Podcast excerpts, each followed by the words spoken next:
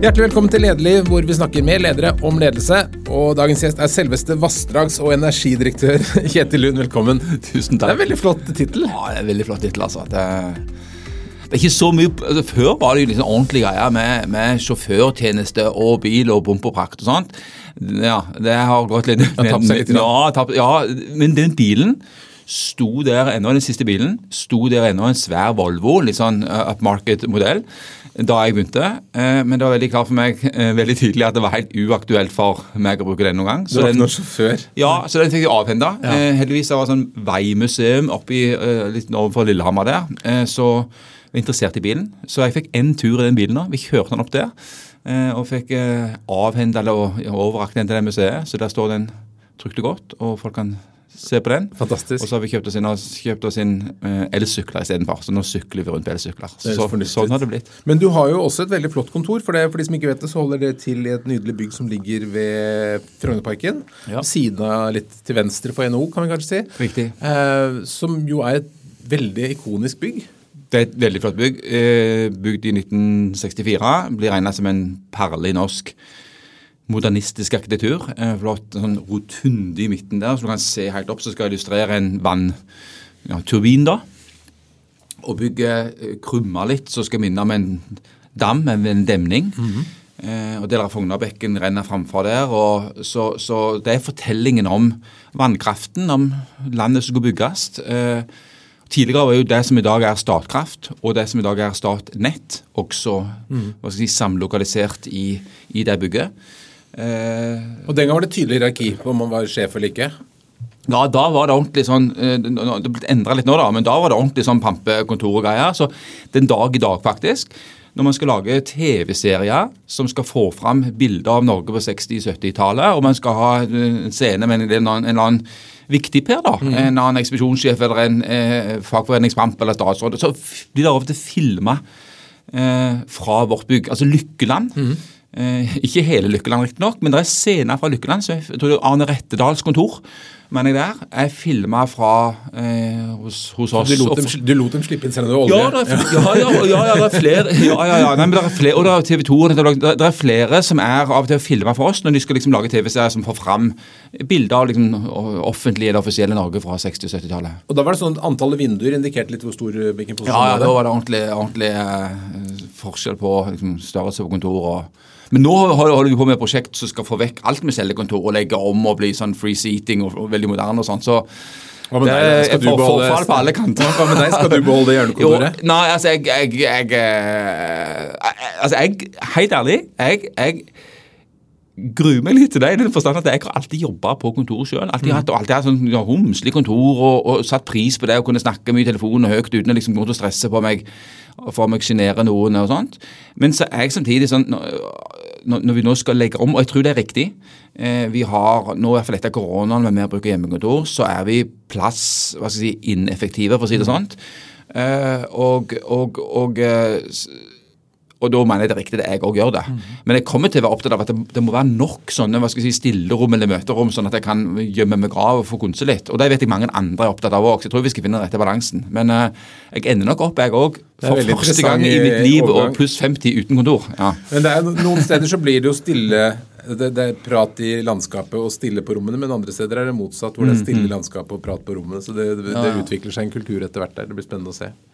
Men du begynte i den jobben i 2019. Visste du da at strøm skulle bli så sentralt som det har vært det siste året? Nei, det, jeg ville lyge hvis jeg svarte liksom ja, punktum på det. Fordi at det siste det siste året har vi hatt i Norge, i Sør-Norge da særlig, strømpriser på et nivå som vi aldri før har hatt. Eh, eh, og, eh, og så er det en eh, kompleks historie for hvorfor det har blitt sånn, og vi kan snakke om det. Men en viktig del av det er den energikrigen som Russland fører mot, ikke bare mot oss, vi blant de som blir minst rammet av det, men mot hele Europa. Eh, eh, gjennom å strupe gasstilførselen, som slår over i høyere kostnader og høyere strømpriser. Så, så alt, hele den fortellingen der, og en fullskala invasjon i hjertet av Europa. Så, jeg det komme i 2019? Nei, på ingen som helst måte. Men det at kraft, spørsmål knytta til energi, kraft, omstilling, grønt skifte, eh, hvor mye skal vi bygge, hvilken type teknologi Det så jeg komme. Mm. Det, det, det, det tror jeg mange så komme. Og at det er krevende diskusjoner i Norge, vanskelige veivalg, der folk har sterke meninger, mye engasjement. Eh, noen er bekymra, noen mener det går for seint, noen mener det ikke er nødvendig. Mm. Eh, så at jeg kom til å vasse inn i et, eller ta en jobb som var midt i den skjæringen mellom ja, forvaltning, politikk og saker som samfunnet rundt er veldig engasjert i. det. Det så jeg. Og jeg, jo, jeg fikk jo veldig, altså Vindkraftdebatten var jo allerede i, i, i full fyr, hvis man kan bruke sånt ord, da jeg begynte.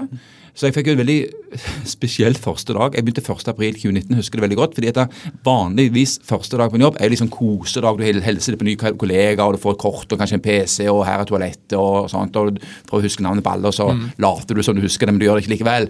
Jeg hadde pressekonferanse klokken ti om morgenen med full oppleining med hele media, og la fram den nasjonale ramme for, for vindkraft klokken ti dag inn på ny jobb. Så det var en krevende og eh, nokså spesiell første dag. Ja, ja. Men den eh, situasjonen vi har nå med relativt høye strømpriser, selv om det går litt opp og ned, er det den nye normalen? Det er Jeg vet ikke. Eh, og jeg tror det er like greit å si det sånn. Mm. Fordi at altfor ofte, altfor mange ganger, så vil du jo få folk som, som meg eller andre som eksperter som vil fortelle deg med stor liksom, selvtillit og hør her, og så, så, så ja, disse høye prisene er her for å bli, eller nei, det er bare overgangsordning. Eller en kort periode. Men realiteten vet du, det er at vi lever i en verden som er veldig kompleks. Det uventede skjer hele tiden. Så ingen av oss skal tøffe oss for mye. Og, folk som sier med stor selvsikkerhet at, at, at sånn, 'jeg vet hvordan energiomstillingen' eller så mange andre ting ser ut i 2030-2040, de skal du i hvert fall ikke høre på. De skal du i hvert fall ikke, Det er et godt råd. Eh, så, så eh, du skal jo ikke lenger tilbake enn i 2020, par år, så var prisen i Norge all time low. Vi hadde aldri hatt så lave priser før. Vi hadde minuspriser for første gang i Norge. Og folk begynte å snakke, det folk snakker om at strøm, energi kommer til å bli gratis framover. Det er den nye framtiden. Vel, de eh, hører du ikke så mye fra akkurat nå. Nå er det mange som sier at dette er ny normalen i mange år og årtier framover. Det kan vel meget vel være tilfellet, men, men ikke sant, ting endrer seg raskere enn vi tror. Mm. jeg tror vi kan, Denne vinteren her tror jeg vi kan få høye priser, men jeg tror du kan få perioder. altså Det, det vi ser at det korte bildet, de korte prisene, for å si det sånn, går mye mer opp og ned enn vi var vant med. Mm. Eh, jeg tror snittet kommer til å være høyt denne vinteren. Så kommer det nok til å være perioder der det virkelig blåser mye og kanskje litt mildvær, så du får lave priser også nå.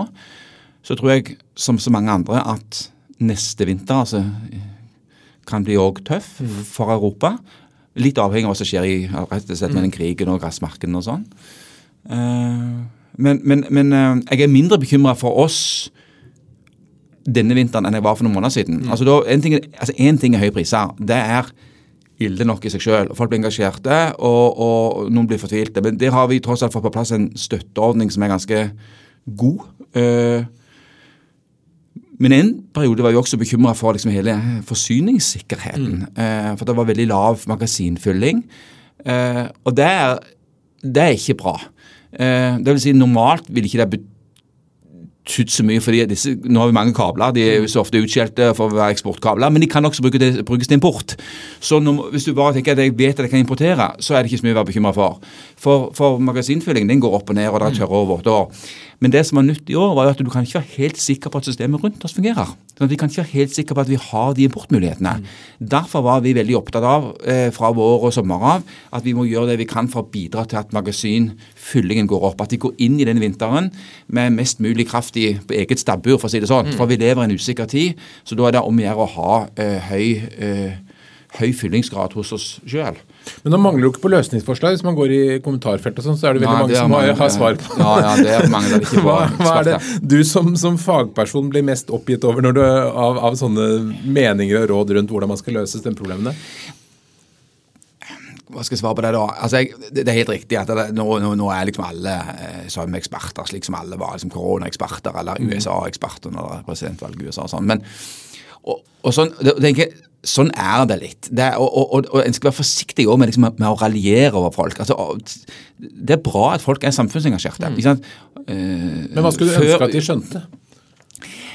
jeg vil, ikke, jeg vil ikke si at jeg, skulle ønske at de skjønte en eller annen sammenheng som var så kompleks, men jeg skulle ønske kanskje noen flere tok inn over seg at det er komplekst, at det er sammensatt. Det er ikke sånn at hvis du har googla en eller annen statistikk så du kanskje ikke engang helt har forstått riktig, eh, så er det sånn ha-ha-ha, nå har jeg avslørt alle idiotene, alle løgnerne. Altfor mye skrives liksom i sånn stort sett er menn, da. Forstår du? Sånn, sånn er de reelle sammenhengene. Ikke mm. tror på alt det våset som Statnett eller NVE sier. For nå har jeg liksom satt sammen noen tall som jeg har, som har plukka fra nettet og satt sammen på en eller annen måte. Så se her, forstår du? Sånn, endelig avslørt. Den, den, mm. den liksom konspirasjonsteoretiske tankegangen som der så vi har sikkert mindre av i vårt land enn i de fleste andre land, men som vi likevel eh, preger, eller i hvert fall en ser ofte også i strømdebatten, da. Mm.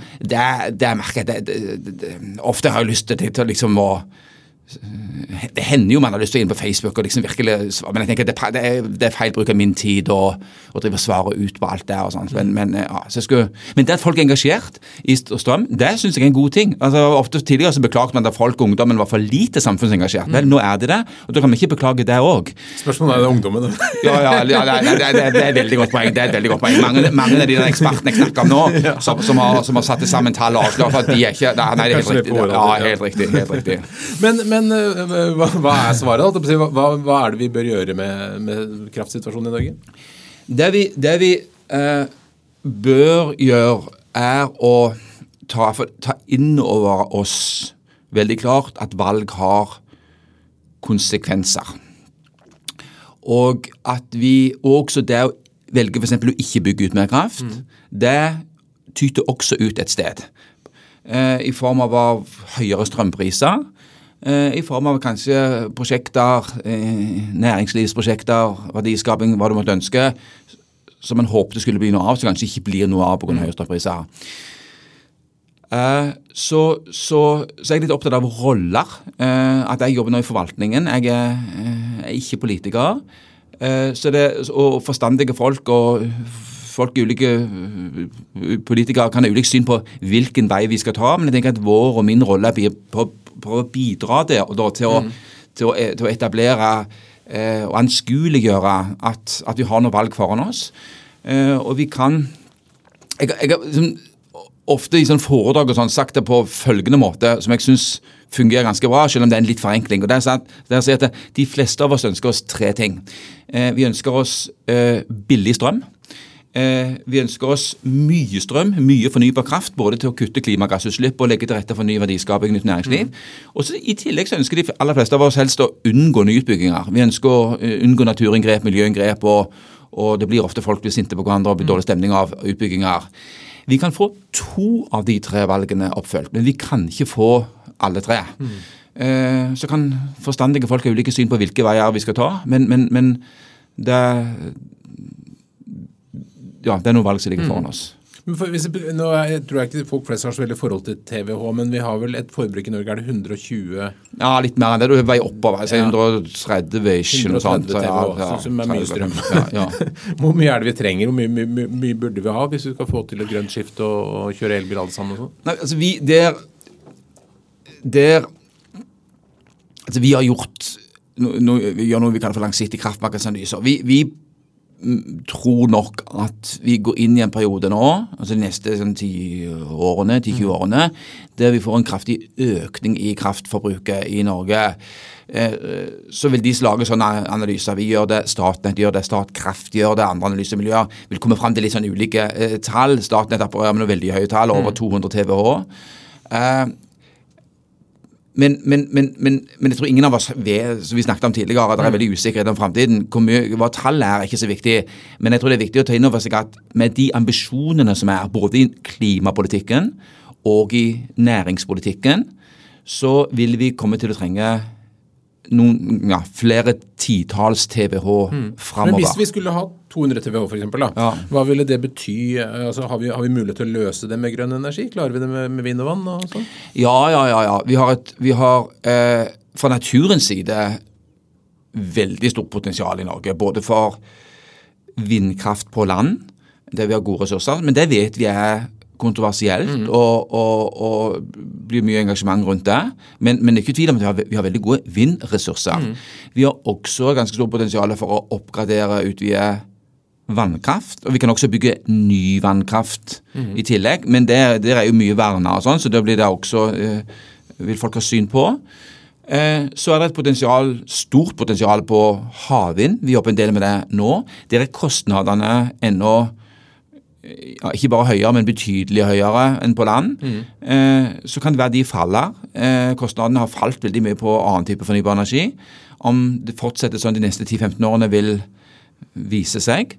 Eh, men det er klart også der har vi veldig gode vindressurser. Så vil jeg slå, si, slå et slag for eller framheve også energieffektivisering. Altså det å bruke den kraften, den energien som vi allerede har bygd ut, bruke den mer effektivt enn vi gjør i dag. Der har vi i hele verden, men også vi i Norge, et eh, hva skal jeg si, stor, eh, et stort potensial på flere, kanskje 10-15-20 TWh. Eh, og eh, og det, det er veldig viktig både fordi at da, da unngår vi miljøinngrep.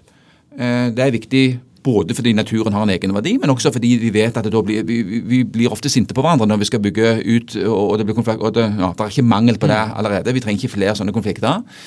Eh, Det det avlaster belastning på kraftsystemet på nett og sånt, og bruker energien mer effektivt. Og så er det tiltak som virker mest når vi trenger kraften som mest, nemlig om ta f.eks. etterisolering av hus eller isolering av hus, virker mest om vinteren når vi bruker mest strøm, og når strømprisen ofte er som høyest. Så energieffektivisering er en god ting. Så vil jeg si at hvis det er en god ting som har kommet ut av disse høye strømprisene, så er det at ganske mye skjer der nå. Altså det er Varmepumpesalget går rett til værs. Skal du kjøpe en varmepumpe i dag, så får du problemer med å få tak i folk, iallfall på kort sikt. Skal du installere sol, eh, lang kø. Eh, og jeg tror folk har, og våre tall viser at folk har et høyere bevissthetsnivå til, til strømbruk. Eh, og én ting er jo holdningene, hvor mye de kan legge om. Der tror jeg òg det er litt potensial. Men samtidig så skal folk leve gode, gode liv eh, i Norge. Men i offentlig sektor, offentlig bygg, næringslivet, det tror jeg det er mye eh, Tradisjonelt da med lave strømpriser i Norge har vært litt for lite bevissthet rundt det å bruke kraften effektivt. Og det, det, Den tror jeg har kommet på dagsorden i veldig mange kommuner og veldig mange bedrifter nå med de høye prisene. Så i sum så er du optimistisk? Ja, jeg, det er jeg. Jeg, jeg tror at jeg, tror, jeg er liksom av legning nokså optimistisk. Jeg, og jeg tror på at, at vi, vi skal klare å løse eh, de fleste samfunnsproblemer som ligger på tallerkenen for oss. Gitt at vi klarer å oppføre oss som folk. Gitt at vi klarer å ta inn over oss at ting er komplekse, og at vi kan diskutere og drøfte vanskelige problemstillinger i en hva skal jeg si, respektfull tone. Oppføre oss som folk mot hverandre og ta inn over oss at det er ikke alltid helt enkle svar. Det er avveininger, og forstandige folk kan veie interesser, ve- ve- veie eh, vurderinger ulikt. Eh, hvis vi bare klarer å beholde den, den, arenaen, forum for, for en folk, ja, eh, oppføre som folk mot hverandre, så, så er folk i Norge er flinke. Vi, er, vi har fått til mye veldig godt mange måter godt styrt land. Veldig flink, flinke folk i dette landet her, så vi skal klare å håndtere dette godt. altså. Nå har vi jo akkurat rundt vannkraftutbygging har det vært litt stille de siste årene, men vind har jo skaper jo betydelig engasjement, særlig vind på land. Ja. Er, det, er det mulig å gjennomføre? Så en av de første øh, beslutningene, kanskje den første beslutningen av litt sånn omfang jeg tok som NVE-leder, det var bare et par uker etter at jeg begynte, var å stoppe og eller ta initiativ overfor departementet at vi skulle slutt, stoppe å tildele konsesjoner, ta en pause eh, til vindkraft på land. Grunnen til det er, er var at Ok, så da hadde vi, eh, og regjeringen da sendt på høring et, eh, denne nasjonale rammen eh, eh, om hvor, man, hvor det lå godt til rette for vindkraft i Norge, hvor det lå dårligere, dårligere til rette for vindkraft i Norge. Den ble, sendt på, ble sendt på høring. Og da var min vurdering at vet du hva, nå er dette kanskje den mest debatterte, diskuterte saken i Norge. Det engasjerer i bygd og by, rundt middagsbord, rundt lunsjbord, på puben, eh, i kommunestyrer, folkemøter og gymsaler. Nå skal demokratiet virker. Nå skal, nå skal argumenter brytes rundt om i landet. I folkemøter og over halvlitere og over eh, middagsbord. Hvis vi i NVE, i parallell med at den samtalen foregår, bare hadde peisa på og tildelt nye konsesjoner, så hadde ikke det blitt forstått. Da, vil, da, da ville noen, jeg vil si med rette, tatt oss i nakkeskinnet og si hallo. ja. Så nå, så, så, så er det blitt lagt fram en stortingsmelding etter det. Eh, veldig mye av de forslagene som var i den, og som senere ble vedtatt av Stortinget, kom fra oss. Nemlig at konsesjonene og konsesjonsprosessene burde bedres. Tydeligere f.eks. maks høyde på turbinene, minimums avstand til nærmeste bosetning. eh, en, en rekke sånne ting.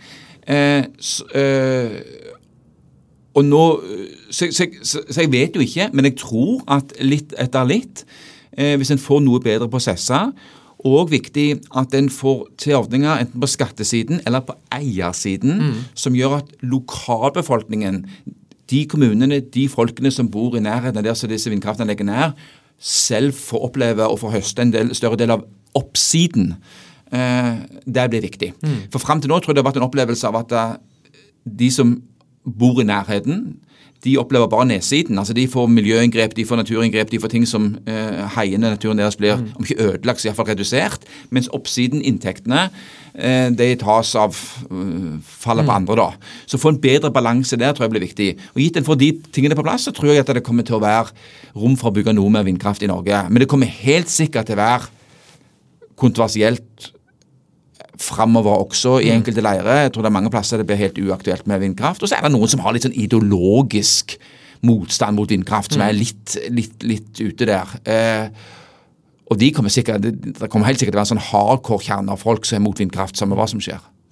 Er denne debatten unik for Norge, eller er det det samme andre land som skal Det er jo Det- mange det, som vil ha lage vindkraft. Nei, den er ikke unik for Norge. Der, er- der, er, det er en del motstand mot, mot fornybar kraft rundt om i hele verden.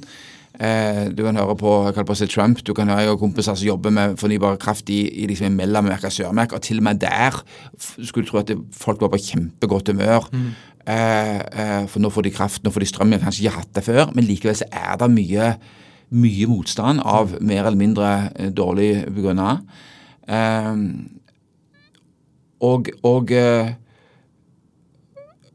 men jeg tror nok at i Norge er folk opptatt av natur, vi er, vi, vi, vi, vi, og det, det er en god ting. Eh, og jeg er opptatt av at det å være mot vindkraftanlegg, det er, det er ikke feil.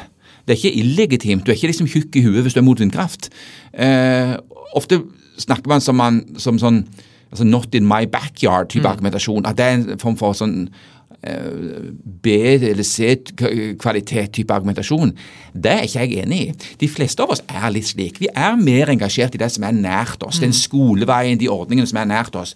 Hvis vi skulle stille kravene for engasjement til at ja, hadde du vært like engasjert om det skjedde i Tokyo eller i Oklahoma, og hvis svaret på det er nei, så er ikke engasjementet ditt legitimt. Den, den testen passerer ingen av oss. Så det må være rom for å være liksom, Jeg vil ikke ha dette anlegget i nærheten av bygda der jeg vokste opp, eller der som jeg lit- setter som pris å gå på tur, eller hva det måtte være.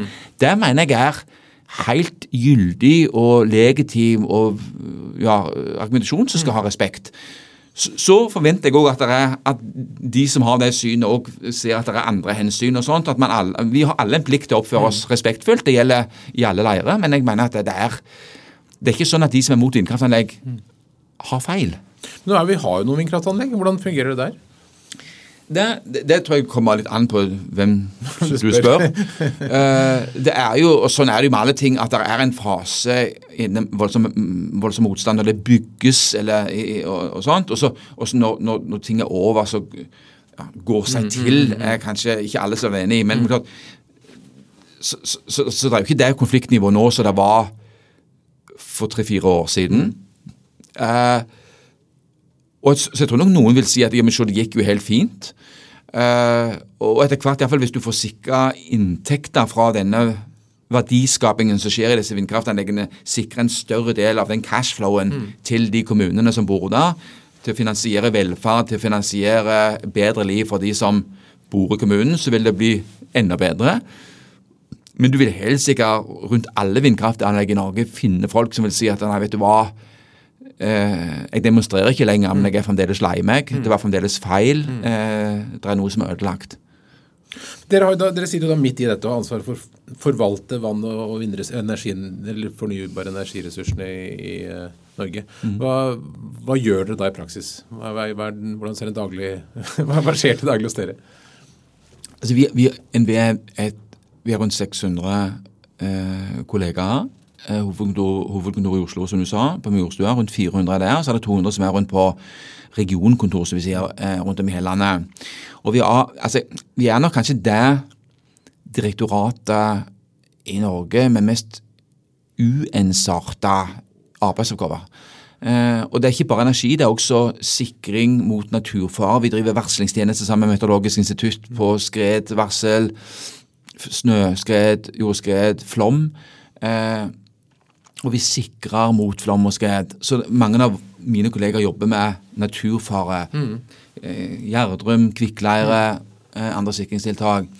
Så, så det, er, det, er, veldig uensarta. Vi har folk som er helt som, som nerder seg til med nye strømreguleringer fra EU, hele veien til folk som er, sitter bokstavelig talt i gravemaskin i ei elv et eller annet sted i Norge og sikrer mot eh, flom, mm. til eh geologer, geoteknikere, snøskredeksperter, fjellskredeksperter, eh, folk som er eksperter på hubroer og mm eh, og, eller gytemønstre til laks. Mm. Eh, og vindturbiner og elkraftingeniører, jurister og komfolk.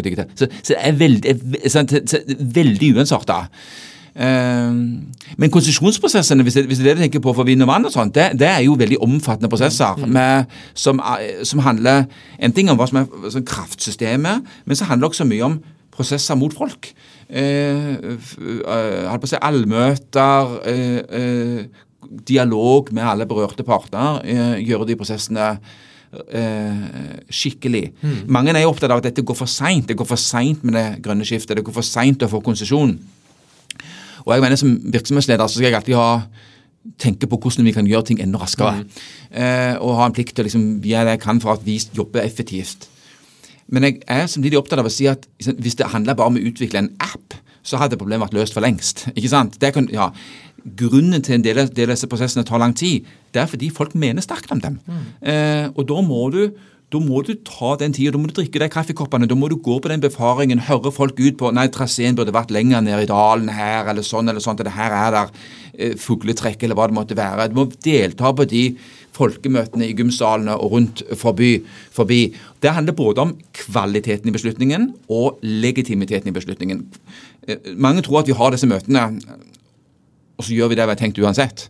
Det er feil.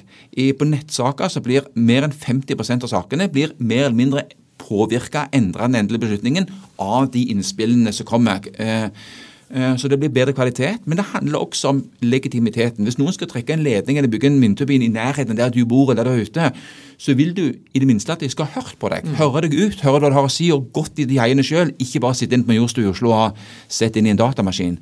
Så, så de tingene der det eh, kan sikkert også effektivisere noe, men jeg tror ikke fullt så mye som bare en Det handler ikke bare om et digitaliseringsprosjekt. Det for dette, ja, det men er det, det mer medvirkning og medbestemmelse og dialog enn det var for noen tiår siden? Ja.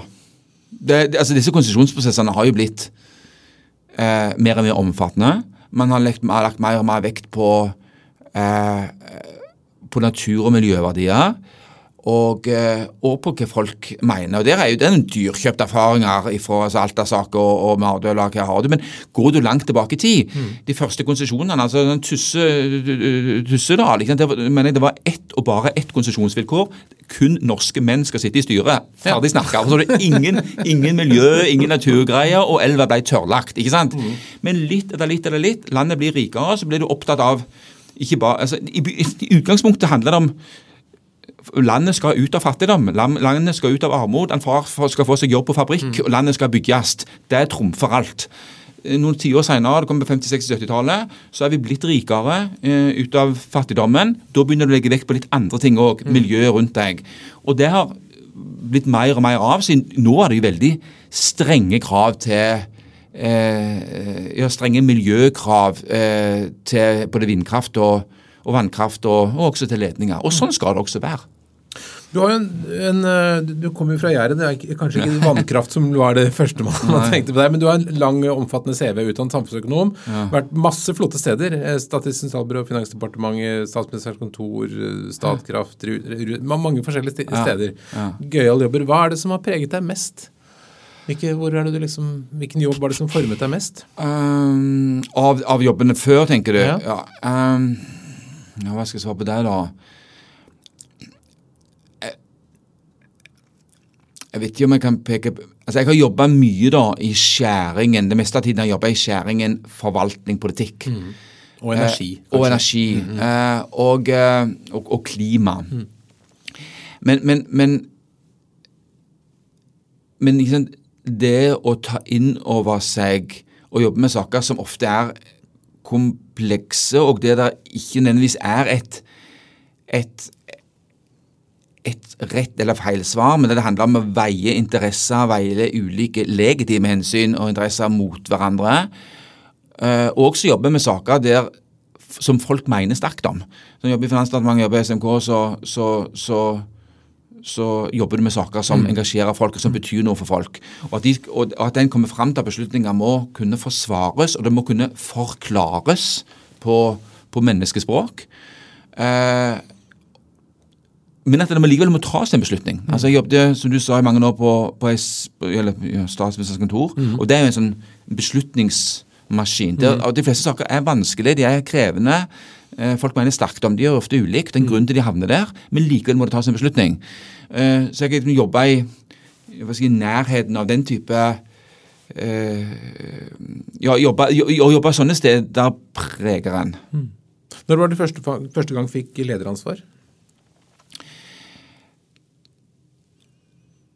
Første gang jeg fikk lederansvar overhodet, var vel i, tilbake i finansavdelingen eh, som sånn underdirektør i, i, finans, i, finansavdelingen i Finansdepartementet.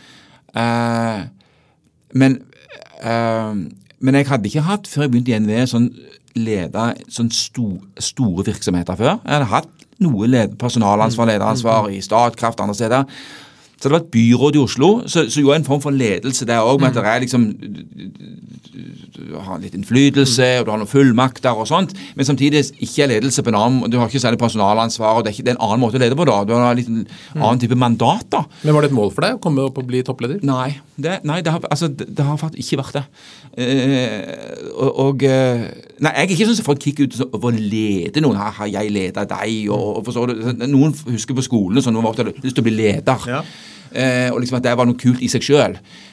Sånn har ikke jeg vært. Og sånn er ikke jeg i det hele tatt. Jeg har nok vært opptatt av å når jeg jobber med noe, å bli hørt på. Forstår du? Å kunne være med og i hvert fall påvirke beslutningene og ha innflytelse. Det har jeg nok vært opptatt av, og er opptatt av.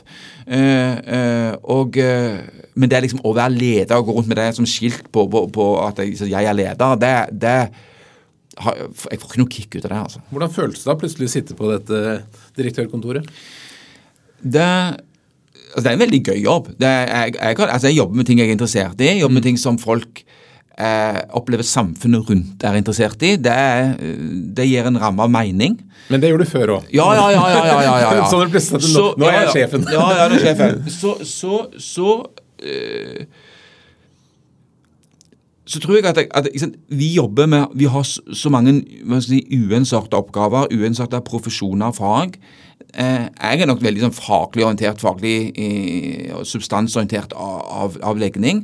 Men det er jo helt umulig å tenke seg at jeg skal være eh, særlig god på altså Jeg er ikke noen god hydrolog eller, eller isbreekspert eller mer snøskred, for masse ting. Eh, men det å få folk i de rollene som er gode faglig, og som altså, har et veldig sånn hva skal jeg si, intellektuelt veldig bånn ærlig bilde på seg sjøl på hva du er god på og hva du ikke er god på. Eh, og, og, ikke innbille seg at noe annet enn det som er de brutale realitetene i så måte. Men i, så, men i tillegg få folk som kan kompensere for det en sjøl ikke er så god på. Mm. Eh, eh, det har jeg vært opptatt av i, når jeg satt sammen ledergruppe og, og ja, jeg tror jeg har Men var det litt skummelt plutselig sitte og være sjef for flere hundre mennesker? Nei, jeg, altså jeg er ikke sånn så lettskremt men det, ja, ja, nei, nei, det er skummelt. Nei, ikke, nei, ikke skummelt. Det er gøy, og det er jo utfordrende. Og man må tenke gjennom å, å gjøre ting riktig og, og ta, riktig, ta, riktig høyde, mm. være opptatt av de riktige tingene. De, vi har satt i gang en ganske stor om, vi har omorganisert NVE ganske kraftig. Eh, det tror jeg var dags å gjøre. Det var en riktig ting å gjøre. Uh, noe som offentlige virksomheter bør gjøre med jevne mellomrom. Ikke mm. for ofte, men heller ikke for sjelden. Eh, og eh, Så det er skummelt har det ikke vært, men det har vært arbeidskrevende, og det har vært eh, Ja, du har ikke sant, du hadde veldig mye vindkraft da jeg begynte. Så kom Gjerdrum. nå har det vært veldig mye strøm og fyllingsgrad og sånt. Så, så det har vært full. Har du hele tiden følt at når vi bare er ferdig med denne saken, så blir det litt roligere? Ja, eller ja, jeg har noen ganger tenkt at, tenkt at ja, det, nå hadde det vært greit at det blir litt roligere. Men, men, jeg, men jeg, jeg vet jo at det er jo ikke en jobb som er rolig. Det, og, og, og de har jeg heller ikke noe ønske om. Jeg har høy arbeidskapasitet, alltid arbeider med å ha stor arbeidsglede. Altså. Så, så, så, eh, så Nei, men det er full, det er full stillingsbrøk, altså. Ja, ja, ja. Men Hvordan ønsker du å bli oppfattet som leder, da? Av dine underordnede? Ehm, jeg tror ehm, Nå må jeg bare tenke meg litt om. Uh, jeg ønsker å bli opp... Altså Kanskje aller viktigste, skal være helt ærlig, er at jeg blir oppfatta som sånn en hyggelig og respektfull, forstår du? Og, og liksom at det er en sånn OK kar, liksom. Eh, og- og at jeg håper å finne den balansen mellom å gi en liksom, være der og gi støtte når det er behov for det. Ha lav terskel for å komme til, og også ta ansvar hvis det er ting som er, går galt, eller som er veldig krevende. Og samtidig gi rom til at folk kan, som er mye flinkere enn jeg er, mm. og har mye greie, bedre greie på, på det som den avdelingen, den seksjonen holder på med, enn det jeg har, gi de i stor grad samtidig frihet til å, til å, å, å å finne gode løsninger sjøl. Hvis jeg finner den balan- hvis folk oppfatter at jeg, at jeg har en god balanse der, så vil jeg, så vil jeg eh, synes det var bra. Eh, Eller bli glad for det. Eh, og Iallfall så strekker jeg meg, eh, strekker jeg meg etter, eh, eh, etter det. Eh, Du har jo jobbet tett på veldig flinke ledere, bl.a. du jobbet under eh, Jens Stoltenberg. da. ja. Eh, hva, hva liksom lærte du av den perioden sånn ledelsesmessig? Eh, ja, jeg jobbet, jeg jobbet tett med og for ham i, i, i, mange år. Uh, en ting som jeg framhever framheve akkurat du nevner han, er, er at å skape det rommet før en beslutning tas, eh, enten det er en ledergruppe eller et møte, der man, der man gir trygghet for, folk kan ha ulike syn, altså kaste inn ikke motforslag, men stre, altså stressteste resonnement. Stressteste eh, eh, eh, forslag til beslutninger, til veivalg. Eh, eh, rett og slett for å, for å teste kvaliteten, både på, øh, men òg for å teste hvordan vi skal kunne forklare det, hvordan vi skal kunne forsvare det.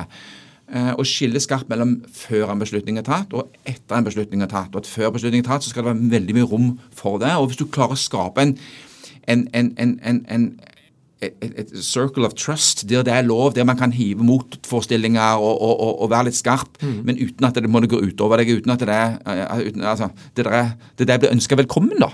Eh, skape den tryggheten. Eh, eh, samtidig så det er eh, lojalitet og oppslutning når beslutning først er tatt. Hvis du klarer å skape den tryggheten, så, så tror jeg det er veldig verdiskaping i ei ledergruppe. Eh, for at du da får, får kvalitetssikra eh, beslutninger, vurderinger, resonnement, argumentasjonsrekker bedre. Ingen av oss, ingen av oss har alle svarene. Alle av oss har blindsoner. Vi er preget av eh, fagtradisjon eller hovmod eller ambisjoner eller hva vi har ment om en sak tidligere.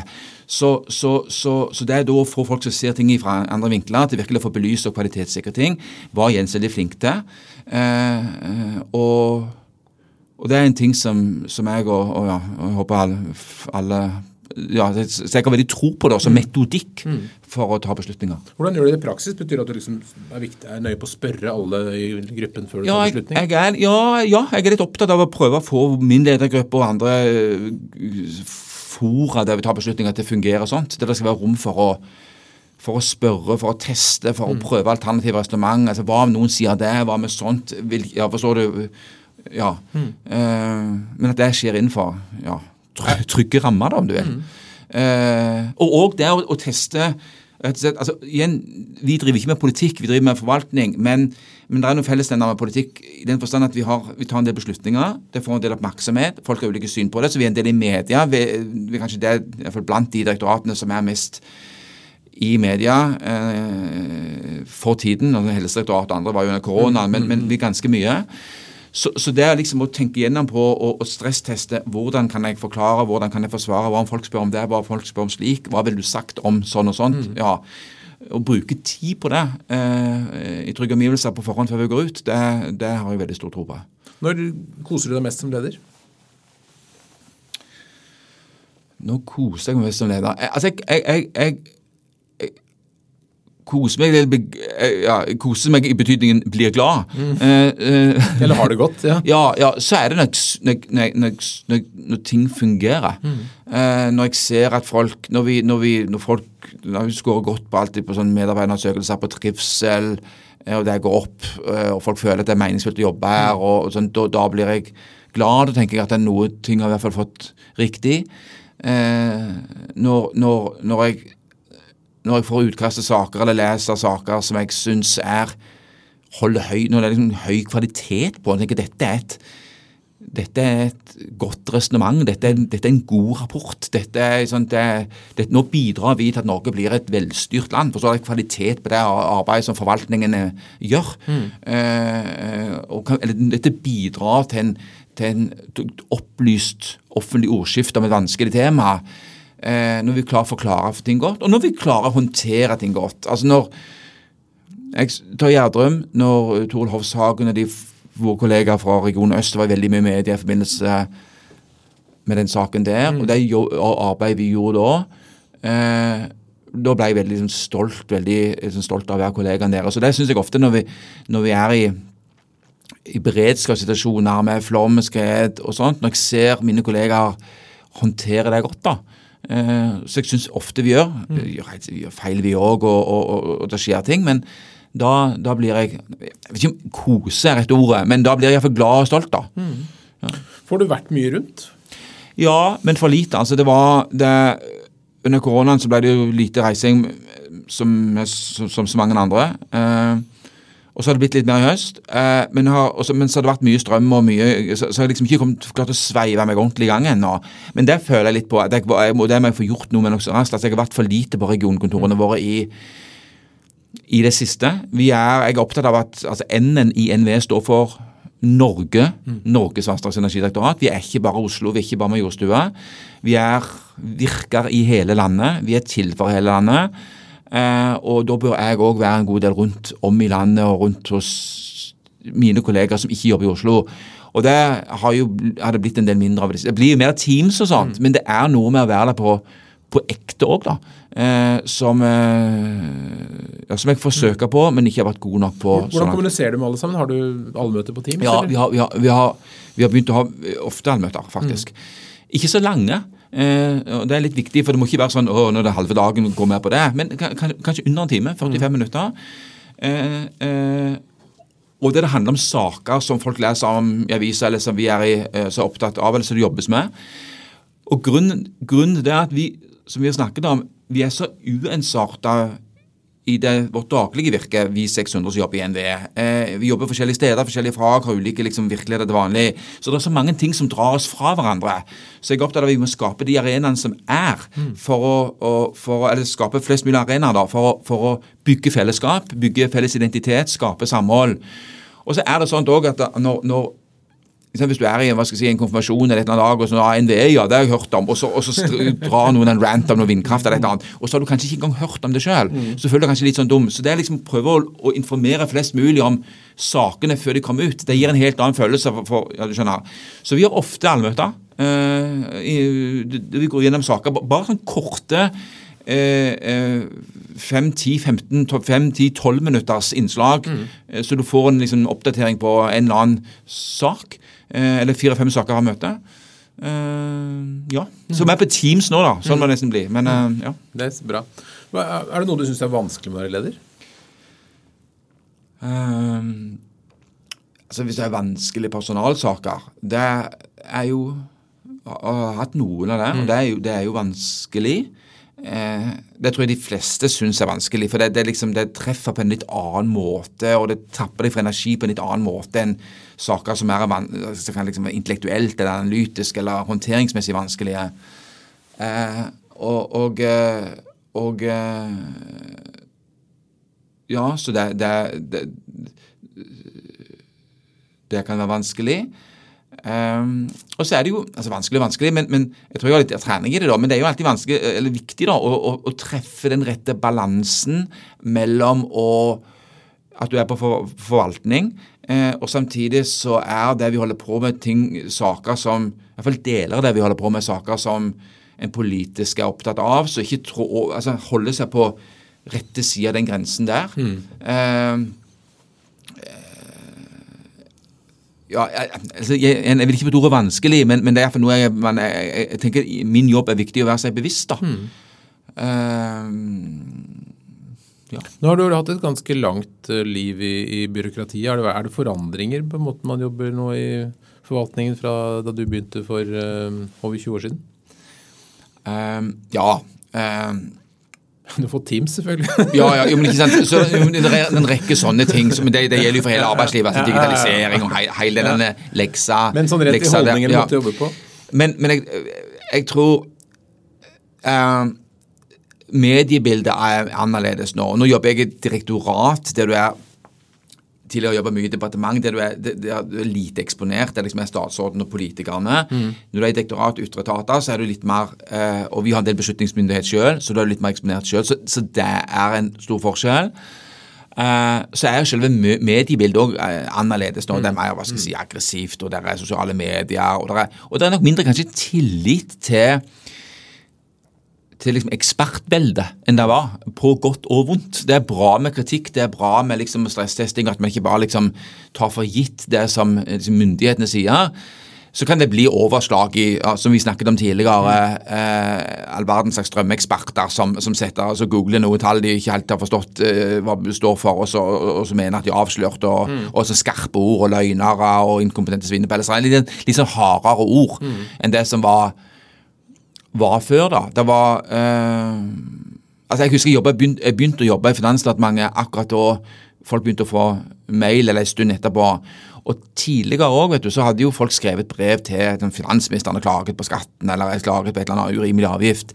Men det var noe med når du måtte sette deg ned og skrive liksom, for hånden på skrivemaskin, og kanskje etterpå, eh, våkne opp dagen etterpå mm. eh, og, og, og, tenke gjennom det og kjøpe en frimerke og gå til pro... Det er en haug med sånne øvelser som gjør at du får filtrert ut det som kanskje ikke var så veldig godt formulert, eller som var noe i overkant mm. eh, unyansert, og, og, ordbruken ikke var helt heldig, og sånt som etter noen glass rødvin. Men nå, hvis du bare trykker på den send-knappen, så bare wow, mm. Så, så, det gjør at du får mer, eh, og du får ofte mer eh, skarpere ord, ordvalg. da. Mm. Og sosiale medier har jo skalert det ytterligere. Så, så, så der er det stor forskjell. Sitter du og leser mye kommentarer? Nei, jeg gjør ikke det. Jeg gjør ikke det. Altså, eller litt, litt gjør det. For jeg, jeg, jeg jeg er på sosiale medier, ikke så mm. mye, men før skrev jeg litt, og jeg var jo politiker sjøl, har vært det i mm. perioder. Eh, nå, skriver, nå er jeg ikke så aktiv sjøl. Uh, det syns jeg liksom ikke helt si, altså, det er ikke, det er ikke din arena? Nei, ja, nei, altså noen ting, altså Jeg slegger noen ut og, og, og noen saker og sånn. Men det, driver, og, og det er veldig sjelden at jeg går inn og svarer og går sånn debatt. Det liksom blir fort surr, altså. Mm. Og, det, og, det, er ofte også feil bruk av min tid. For skulle jeg gjort det, iallfall på så mye engasjement som strøm nå, så kunne jeg sittet hele dagen og skrevet og svart ut alt som svart. Men, men, men uh, men jeg sjekker, altså det er jo veldig viktig. Mye av debatten foregår jo på sosiale medier. Så det å koble seg helt av og ikke engang få med seg hva som skjer der, blir også, også feil. Mm. Uh, det blir media da, som blir din arena. Hva, hva er din erfaring? Hvordan lykkes, hvordan, hvordan lykkes, du godt med å fremstå i media? Hva er tipsene? Jeg vet ikke om jeg fremstår så godt i media, men jeg uh, jeg, er nok, jeg er nok mer, vært, vært, litt mer synlig enn det som har vært hva skal jeg si, husets skikk i NVE, det er, det er litt bevisst, og så er det litt at det har blitt sånn pga. at de sakene vi holder på med, er mer på dagsordenen, er mer aktuelle, med oppmerksomhet rundt strømpriser, vindkraft, andre ting. Uh, men, men, jeg tenker at NVE har en rolle da, i at vi sitter på mye analyser. Uh, uh, og, som, og, og, tall og vurderinger og erfaringer som jeg tenker at hvis de blir formidla riktig, kan bidra til å til en opplyst uh, offentlig debatt og opplyst samtale uh, om saker som er viktige for vårt land, om veivalg som er viktige for vårt land, og, folk, og det folk mener ulikt. Og Hvis vi kan bidra til det, så mener jeg det er verdiskaping, så er det viktig samfunnsarbeid. Uh, uh, så jeg har drevet og skrevet en del kronikker og, om ja, sånn som vi snakket om i denne podkasten, veivalg og, og, andre dilemmaer vi står overfor. Uh, så må en da passe på å ikke trå over den grensen for når en er, liksom blir politisk i, i liksom i, i, jeg kan på å si politisk forstand. Eh, så det, så, så, men jeg håper og tror at jeg, at jeg holder meg innenfor. Du hadde vel fått høre det ellers. Ja. Eh, nå er vi på vei inn et nytt år. Eh, bortsett fra å flytte ut av kontoret, hva, hva annet er det som er høyt på prioriteringslisten? Det, ja, vi, vi, eh, vi, skal, vi, skal ikke, vi, har tatt beslutninger om, om, å gjøre om. Vi har ikke flytta helt ut ennå. Men, men, men, og det kommer ikke til å skje neste år heller, men det skjer om ikke så lenge. Mm. Eh, vi har fått en del midler til å ansette flere mennesker og, og starte og digitalisere flere av våre prosesser. Eh, det blir store prosjekter for oss. Mm. Eh, energiforvaltningen i Norge er ikke så hva skal jeg si, digitalisert som den burde ha vært. Eh, og den er, Hvis du sammenligner med skatteforvaltningen eller, eller, eller, helseforvaltningen, så er mye mer digitalisert enn vi er. Så vi har stort arbeid foran oss der. Så derfor liksom, å få rigga det arbeidet riktig og få, ned, få opp kapasiteten på konsesjonsbehandlingen. Eh, nå har vi fått mer penger, ansatte flere mennesker til det. Få gjort det på en skikkelig måte blir viktig eh, eh i 2023. Så må vi òg følge veldig nøye med på kraftsituasjonen neste år òg. Eh, jeg tror vi skal komme oss godt gjennom denne vinteren her. Fyllingsgraden er nå god. Og har økt, aldri økt så mye en høst som i år. Det skyldes en del regn, men det skyldes ikke minst at kraftprodusentene har vist samfunnsansvar og holdt tilbake mye vann.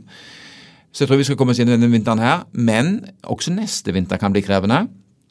Så der følger vi utover 2023 på, på, vi, ja, på forsyningssikkerheten og på ja, kraftsituasjonen, mm. som vi sier i NVE, det blir, det blir et, et en viktig ting. Og så er vår erfaring at det skjer ting på naturfaresiden. Det kan komme flom, det kan komme skred.